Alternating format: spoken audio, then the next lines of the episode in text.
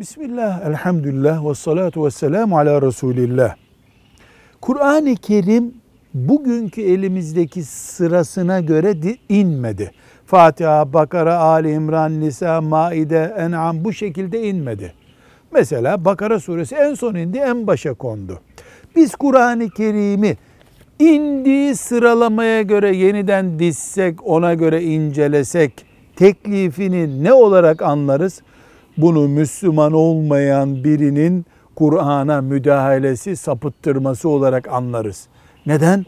Çünkü mevcut hal ashab-ı kiramın, Allah onlardan razı olsun, Resulullah sallallahu aleyhi ve sellem'den böyle emanet aldık dediği şeydir.